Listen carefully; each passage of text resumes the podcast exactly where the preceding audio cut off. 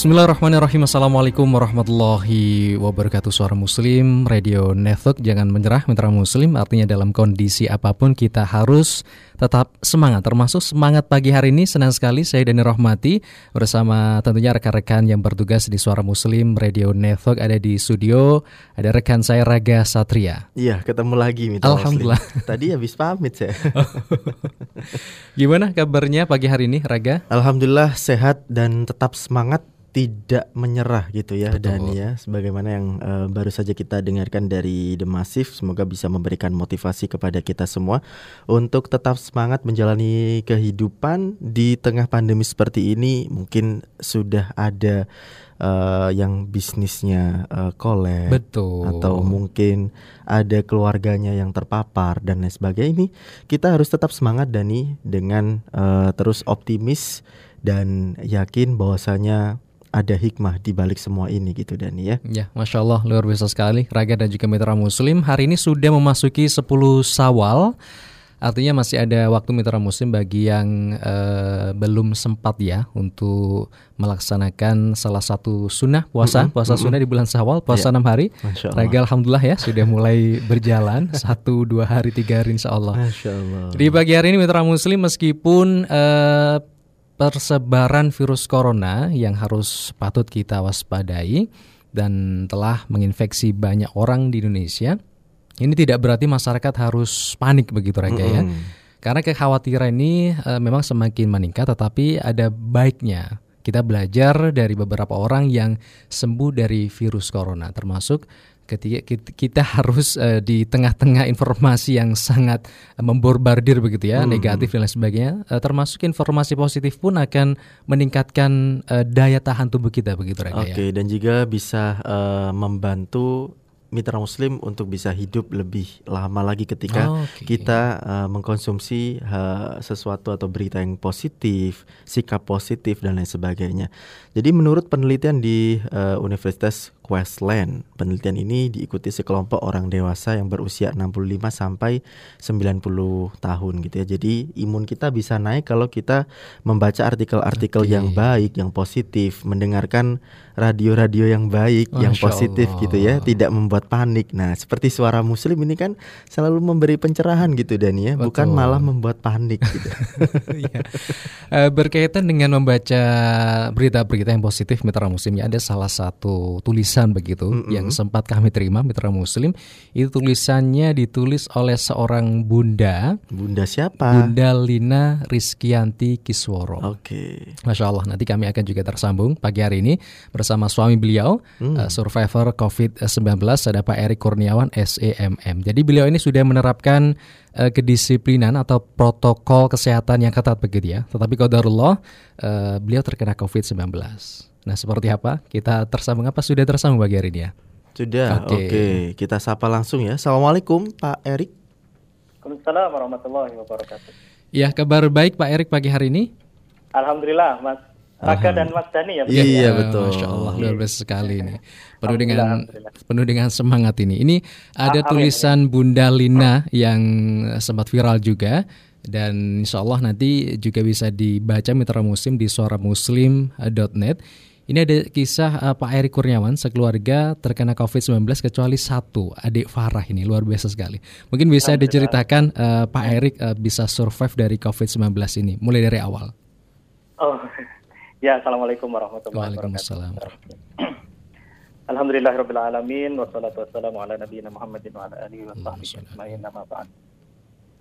Alhamdulillah terima kasih ke teman-teman Sam Suara Muslim yang pada kesempatan pagi hari ini memberikan kesempatan kami eh, untuk bisa sharing ya, berbagi Ya. semangat positif, berbagi eh, motivasi positif yang mudah-mudahan ini memberikan manfaat khususnya kepada keluarga kami dan kepada para pendengar sekalian. Insya Allah. Amin, amin, Amin, ya sebenarnya kami meyakini sesuai data hari ini secara nasional Mhm. pasien sembuh itu sudah sekitar 7.600-an ya. Hmm.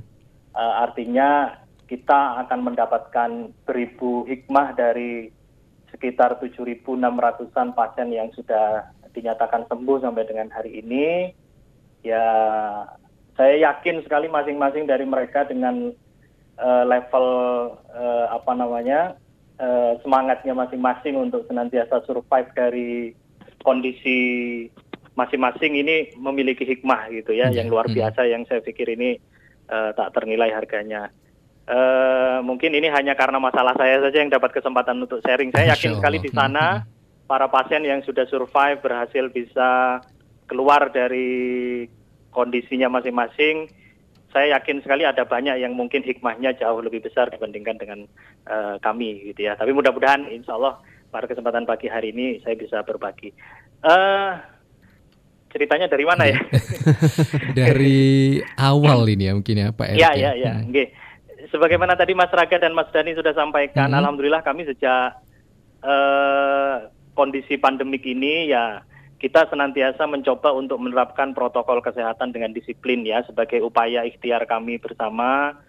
Saya eh, sering ngobrol sama istri, sama anak-anak supaya kita bisa disiplin bersama bersama-sama untuk saling mengingatkan terkait dengan protokol kesehatan. Jadi untuk masker, cuci tangan dan lain sebagainya, hmm. alhamdulillah kita laksanakan dengan hmm. baik. Termasuk juga saya sebagian sebenarnya 50-50 saya work from home juga. Okay sehingga lebih banyak di rumah di kantor juga uh, terbatas sebenarnya interaksi uh, ala kulihal ya Allah swt memberikan takdir terbaiknya kepada kita semuanya khususnya kepada keluarga kami uh, sekitar tanggal 4 Ramadan ya atau 3 Ramadan itu kalau saya tidak salah ingat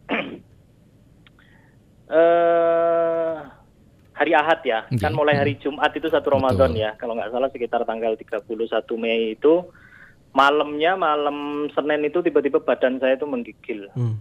Seperti demam begitu. Sebenarnya nggak terlalu tinggi ininya kalau kalau saya termometer itu hanya sekitar 37,5 sampai dengan okay. 37,9 gitu. Cuman uh, rasanya ini nggak enak banget di badan gitu ya. Uh, tapi tidak batuk. Jadi pertama saya tidak batuk, tidak sesak. Jadi yang saya rasakan itu hanya demam. Uh, eskalasinya meningkat keesokan harinya hari Senin sehingga saya putuskan untuk tidak puasa waktu itu karena badan sudah lemes sekali. Yeah. Terutama persendian itu sakit semua. Terus tiba-tiba nafsu makan hilang. Hmm. Okay. Jadi nafsu makan. Jadi walaupun saya tidak puasa, saya maksakan untuk makan tuh susah gitu. Mm -hmm. uh, itu Eh, satu Juni ya satu Juni. Eh satu hari Senin hari iya.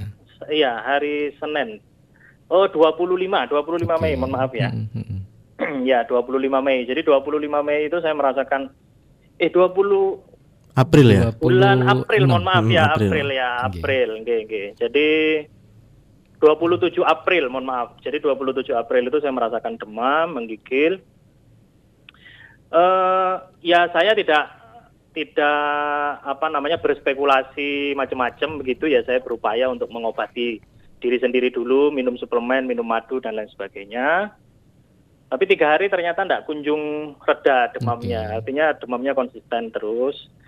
Dan yang paling saya rasakan persendian tuh makin tidak nyaman uh, nafsu makan juga makin hilang ya. Uh, kalau bahasa umumnya yang banyak uh, diinfokan ke kita itu hilangnya rasa indera pengecap sama okay. indera penciuman ya. Tapi tidak mengalami uh, seperti sakit tenggorokan Pak Erik atau sesak nafas begitu? Uh, saya kebetulan enggak. Jadi alhamdulillah saya enggak batuk juga tidak sesak. Itu itu cerita di kemudian nanti saya hmm. untuk yang sesak dan batuk itu. Jadi uh, sampai dengan tiga hari gejala itu tidak kunjung turun sehingga saya putuskan untuk telepon beberapa kebetulan ada beberapa teman-teman dokter begitu saya putuskan untuk telepon ke beberapa teman-teman dokter. Ya, kata beliau uh, kayaknya mungkin uh, mengarahnya ya bisa jadi kalau saya browsing-browsing apa yang saya rasakan tuh mirip-mirip gejala tipes gitu ya. Hmm. gitu. Sehingga saya dikasih beberapa resep lalu saya minum karena waktu itu juga beberapa teman sementara kalau kondisinya masih bisa dikendalikan uh, agak dihindari dulu lah ke rumah sakit. Betul. Saya juga agak khawatir juga ke rumah sakit. Jadi belum kepikiran COVID-19 sama belum, sekali belum. saat itu. Oke. Okay. Sama sekali, sama sekali, hmm. sama sekali.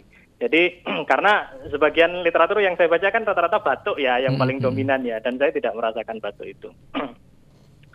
uh, saya minum beberapa obat yang diresep sama teman-teman dokter begitu atas konsultasi saya per telepon. Uh, ternyata sampai dengan hari ke tujuh ya. Hmm. Ya. Sampai dengan hari ketujuh demam juga nggak kunjung turun. Bahkan ada gejala lain yang saya rasakan yang yang menurut hemat saya uh, ini ya uh, agak berat buat saya yaitu nyeri perut yang uh, luar biasa gitu. Hmm, jadi okay. uh, jadi nyeri perut selain mual dan muntah nyeri perut yang itu mengakibatkan saya tidak bisa tidur. Jadi siang malam saya tidak bisa tidur. Saya rasakan hampir tiga hari saya tidak bisa tidur itu karena nyeri hebat di uh, perut sampai saya ganjel dengan apa bantal begitu gitu supaya sebagai upaya untuk bisa uh, tidur lah gitu kira-kira. uh, hari ke-8 karena tidak kunjung turun, bahkan gejalanya makin saya rasakan makin ekskalasinya makin meningkat. Uh, ya mau tidak mau istri tetap ini memaksa saya untuk ke rumah sakit. Yeah. Sudahlah hmm. diperiksakan aja daripada beresiko begitu. Saya tetap bergeming tidak mau sebenarnya. Tapi uh, karena motivasi dari istri supaya bisa apa namanya tidak terlambat observasinya dan lain sebagainya, penegakan diagnosanya, sehingga saya putuskan ke rumah sakit. Ya Bismillah lah diantar sama istri waktu itu. uh, sesampainya di rumah sakit, salah satu rumah sakit swasta, uh, ternyata tidak mudah hari ini itu untuk berperiksa ke spesialis, okay. apalagi hmm. kami para pasien yang ada gejala demam, hmm. screeningnya panjang. Hmm. Okay screeningnya panjang. Jadi uh, saya baru sampai di rumah sakit itu jam 9. Singkat cerita saya baru bisa ditemui oleh dokter spesialis untuk bisa konsultasi itu sekitar jam setengah duaan. Okay. Karena uh, berdasarkan screening wawancara di uh, frontliner depan itu di parkiran bahkan mm -hmm. itu uh, saya harus melakukan yang namanya rapid test, terus uh, tes darah dan foto torak ya. Mm. Tiga itu minimal yang harus saya lakukan. Ya karena memang saya butuh kepastian dan butuh cepat diagnosanya, saya lakukan itu, opsi itu saya ambil. Jadi saya diambil sampel darah, dilakukan rapid test dan uh, foto torak. Uh, singkat cerita, kesimpulannya yang pertama untuk uh, tes darah ya karena sebelumnya ada asumsi tipes dan lain sebagainya, tipesnya enggak gitu ya.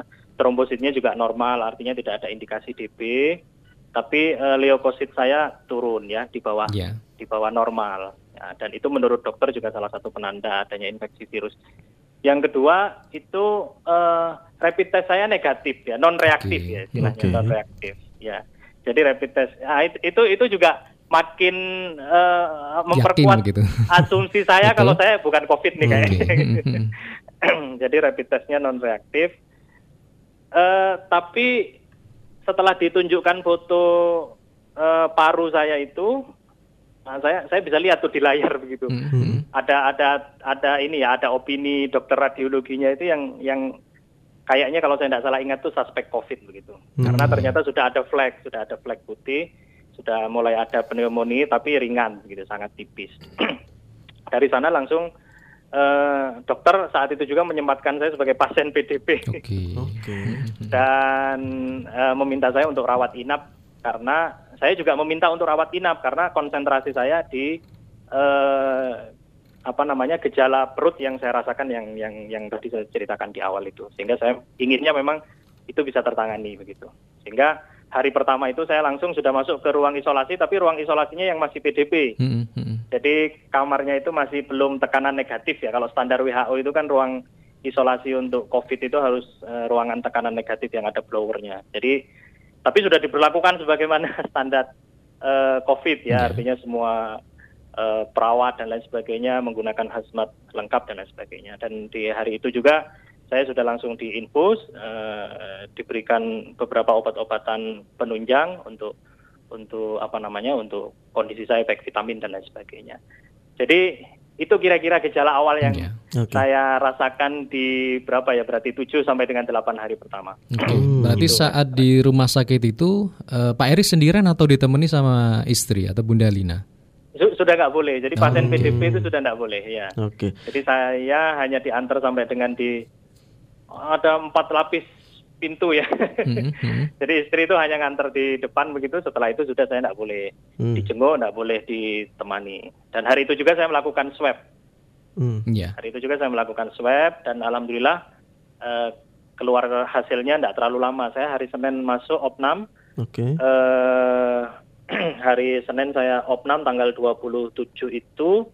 Kalau saya tidak salah ingat tanggal 30 ya, 30 yeah. hmm April itu hasil swab saya sudah keluar. Oke, empat hari kemudian Pak Erik. Oke. Ya, ya. Terus nah, gimana Pak Erik hasil swab itu tadi?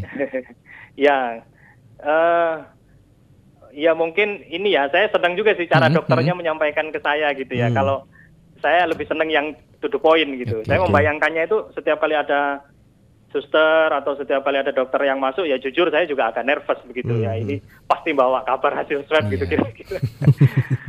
uh, tapi alhamdulillah dokternya ini termasuk yang to the point dan itu cocok mungkin dengan profil saya gitu. Mm -hmm. Jadi tiba-tiba dokternya masuk, Pak Erik ini ya hasilnya positif ya begitu nggak ada pengantar nggak ada apa-apa tiba-tiba oh. Pak Erik hasilnya positif. ya ya mungkin shock shock ya wajar ya manusiawi saya iya. pikir uh, saya mendapatkan informasi itu yang pertama karena saya tidak nyangka sampai dengan hasil swab saya itu keluar saya tidak batuk dan juga tidak sesak hmm. uh, tapi gejala-gejala yang lain itu masih ada jadi tidak uh, apa namanya hilang nafsu makan gitu ya terus uh, mual muntah termasuk juga nyeri di perut yang ya tensinya tapi sudah berkurang tapi nyeri itu tidak hilang gitu kira kira-kira begitu. Oke, jadi itu, sampai dengan swab. setelah positif itu kemudian di karantina di uh, rumah sakit ya? Ya, sejak dari PDP awal sudah di rumah sakit kan sejak hari Senin hmm, itu. Oke. Okay. Tapi saya dipindahkan sejak saya positif saya dipindahkan di ruang khusus untuk yang positif ada sendiri. Hmm. Jadi pindah. Okay. Saya pindah kamar, kamarnya itu kamar yang memang khusus disediakan untuk pasien yang sudah confirm positif. Hmm. Selama di karantina ini kira-kira dari Pak Erik sendiri bagaimana ikhtiar agar bisa sembuh dan juga uh, survive ya melawan COVID-19 ini? Ya, ya. Jadi saya tadi sampaikan ya Mas Raga dan Mas Dani, saya pikir manusiawi ketika kita mendengarkan informasi. Apalagi kita ini kan dalam kondisi kadang-kadang uh, apa namanya overdosis informasi ya. uh, dapat uh, apa apa namanya viral berbagai macam informasi-informasi dengan berbagai macam uh, apa value yang bisa kita tangkap begitu ya. Yeah. Ada yang membangun optimisme, ada yang mungkin sebagiannya yeah bikin kita makin takut dan lain sebagainya. Jadi yang pertama ya saya harus bernegosiasi dengan kondisi itu. Jadi yang pertama ya sudah kita sudah berikhtiar, mm-hmm. maka ya tidak ada jalan lain. Ini insya Allah sudah ketetapan yang terbaik dari Allah Subhanahu Wa Taala kan. Bagi orang mukmin itu semuanya baik insya Allah gitu. Ya sudah, tidak ada jalan lain ya kita bertawakal kepada Allah Subhanahu Wa Taala. Mm. lalu uh, yang berikutnya ya saya mengabari orang-orang terdekat tentunya ya okay. orang tua. Mm-hmm. Ya mereka kaget wajar, mm-hmm. tapi saya berikan prolog yang menenangkan kepada eh, beliau-beliau uh, supaya tidak terlalu panik dan insya Allah kita optimis untuk bisa mm. berjuang untuk bisa sembuh gitu. Jadi yang pertama ya saya ikuti protokol uh, apa pengobatan yang sudah ditentukan oleh dokter tentunya yeah. gitu.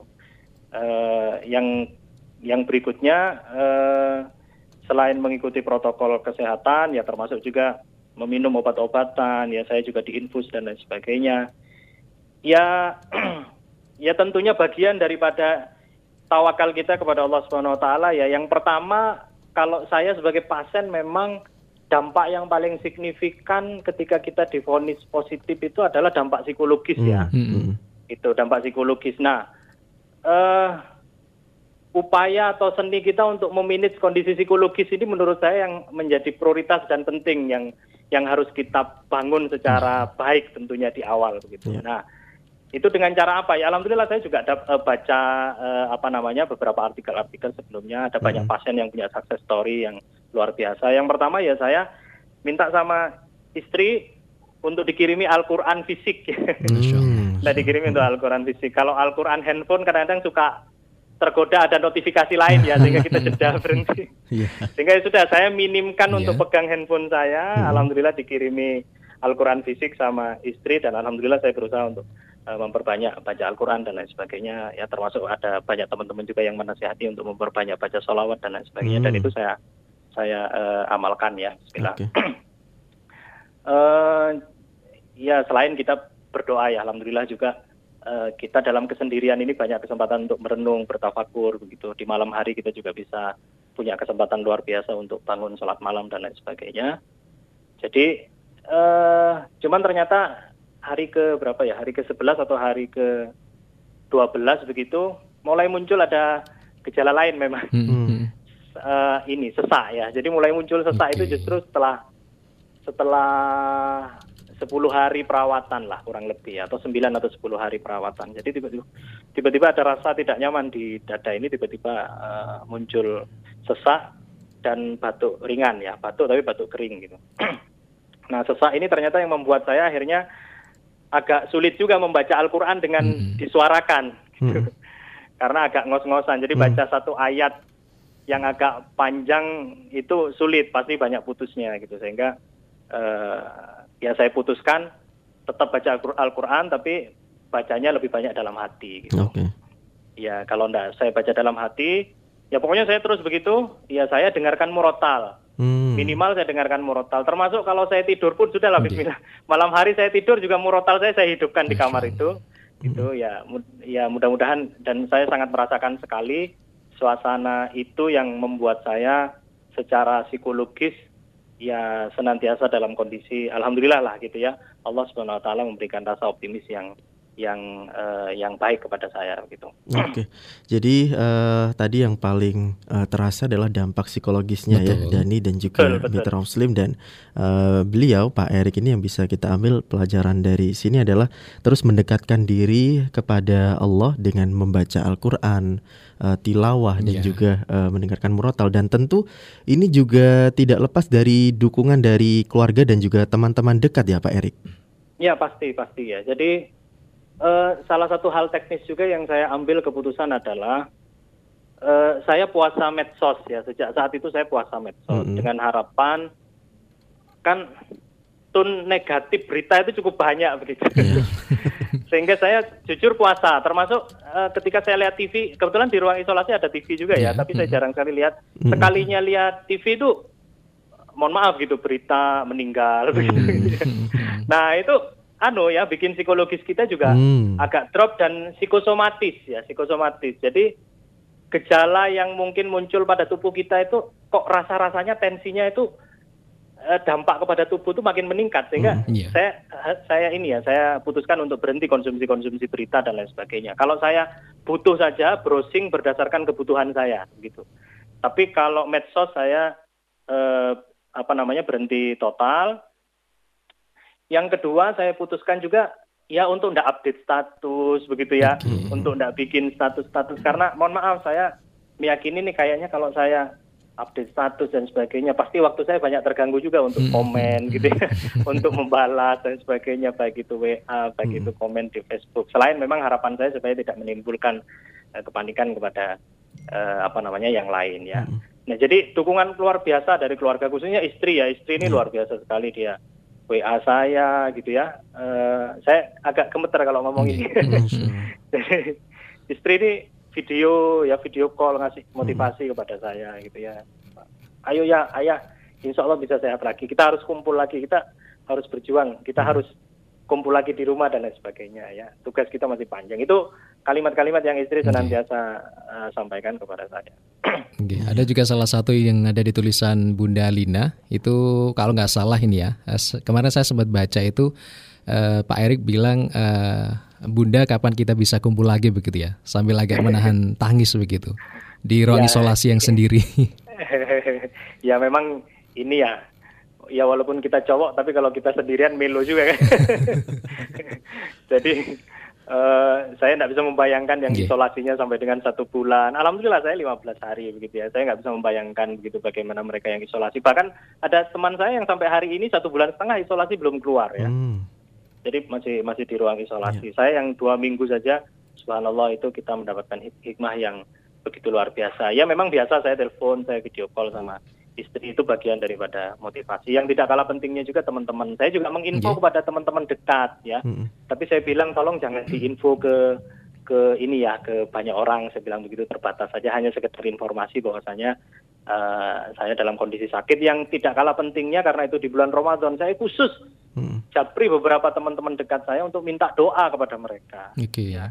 Saya agak-agak spesifik bilang Mas gitu ya atau Ustadz saya mohon maaf sekali mohon saya nama saya disebut menjelang buka hmm. puasa hmm. gitu ya mohon mohon maaf saya mohon disebut nama saya uh, menjelang sahur dan lain sebagainya atau di waktu-waktu mustajab itu saya memang minta kepada para ustadz begitu ya kepada para teman-teman dekat luar biasa lah support itu ya. itu yang saya rasakan Ya, eh, Pak Erik nanti bisa disambung lagi ya di segmen yang kedua. Tentunya eh, Pak Erik kan terkena COVID-19 positif sudah beberapa hari begitu ya. Apakah ya. Eh, istri juga nantinya ada kemarin itu ada positif beserta putra putri Pak Erik? Nanti kita sambung di segmen kedua, Pak Erik. Dan juga okay. Mitra Muslim, terima kasih yang sudah eh, turut untuk mendukung ya di WhatsApp di 0855 3938. Yeah. Beberapa hal tadi yang disebutkan yang pertama kali harus uh, puasa medsos ya mm, betul. dan juga membaca Al-Qur'an. Artinya kalau su jika sudah terkena ini harus pertama kali ini harus berdamai dengan diri sendiri ya. Betul sekali. Jadi uh, dampak psikologis karena yang diserang pertama kali. Jadi dukungan uh, dari uh, keluarga, istri khususnya ini sangat penting sekali ya. Kalau tadi uh, Pak Erik kita mungkin yang sudah baca artikelnya ya tulisan yeah. dari mm -hmm. sang istri itu uh, betapa sang istri sangat mendukung suaminya Benar. gitu ya dalam menghadapi COVID. Maka dari itu pentingnya mempunyai istri Dani. Saya kemarin juga uh, baca itu uh, sambil ada sedihnya begitu ya, masya Allah. Uh, kuat sekali istri beliau. Yeah. Nanti kita sambung di segmen kedua Mitra Muslim. Pagi hari ini tetap dalam ranah publik. publik.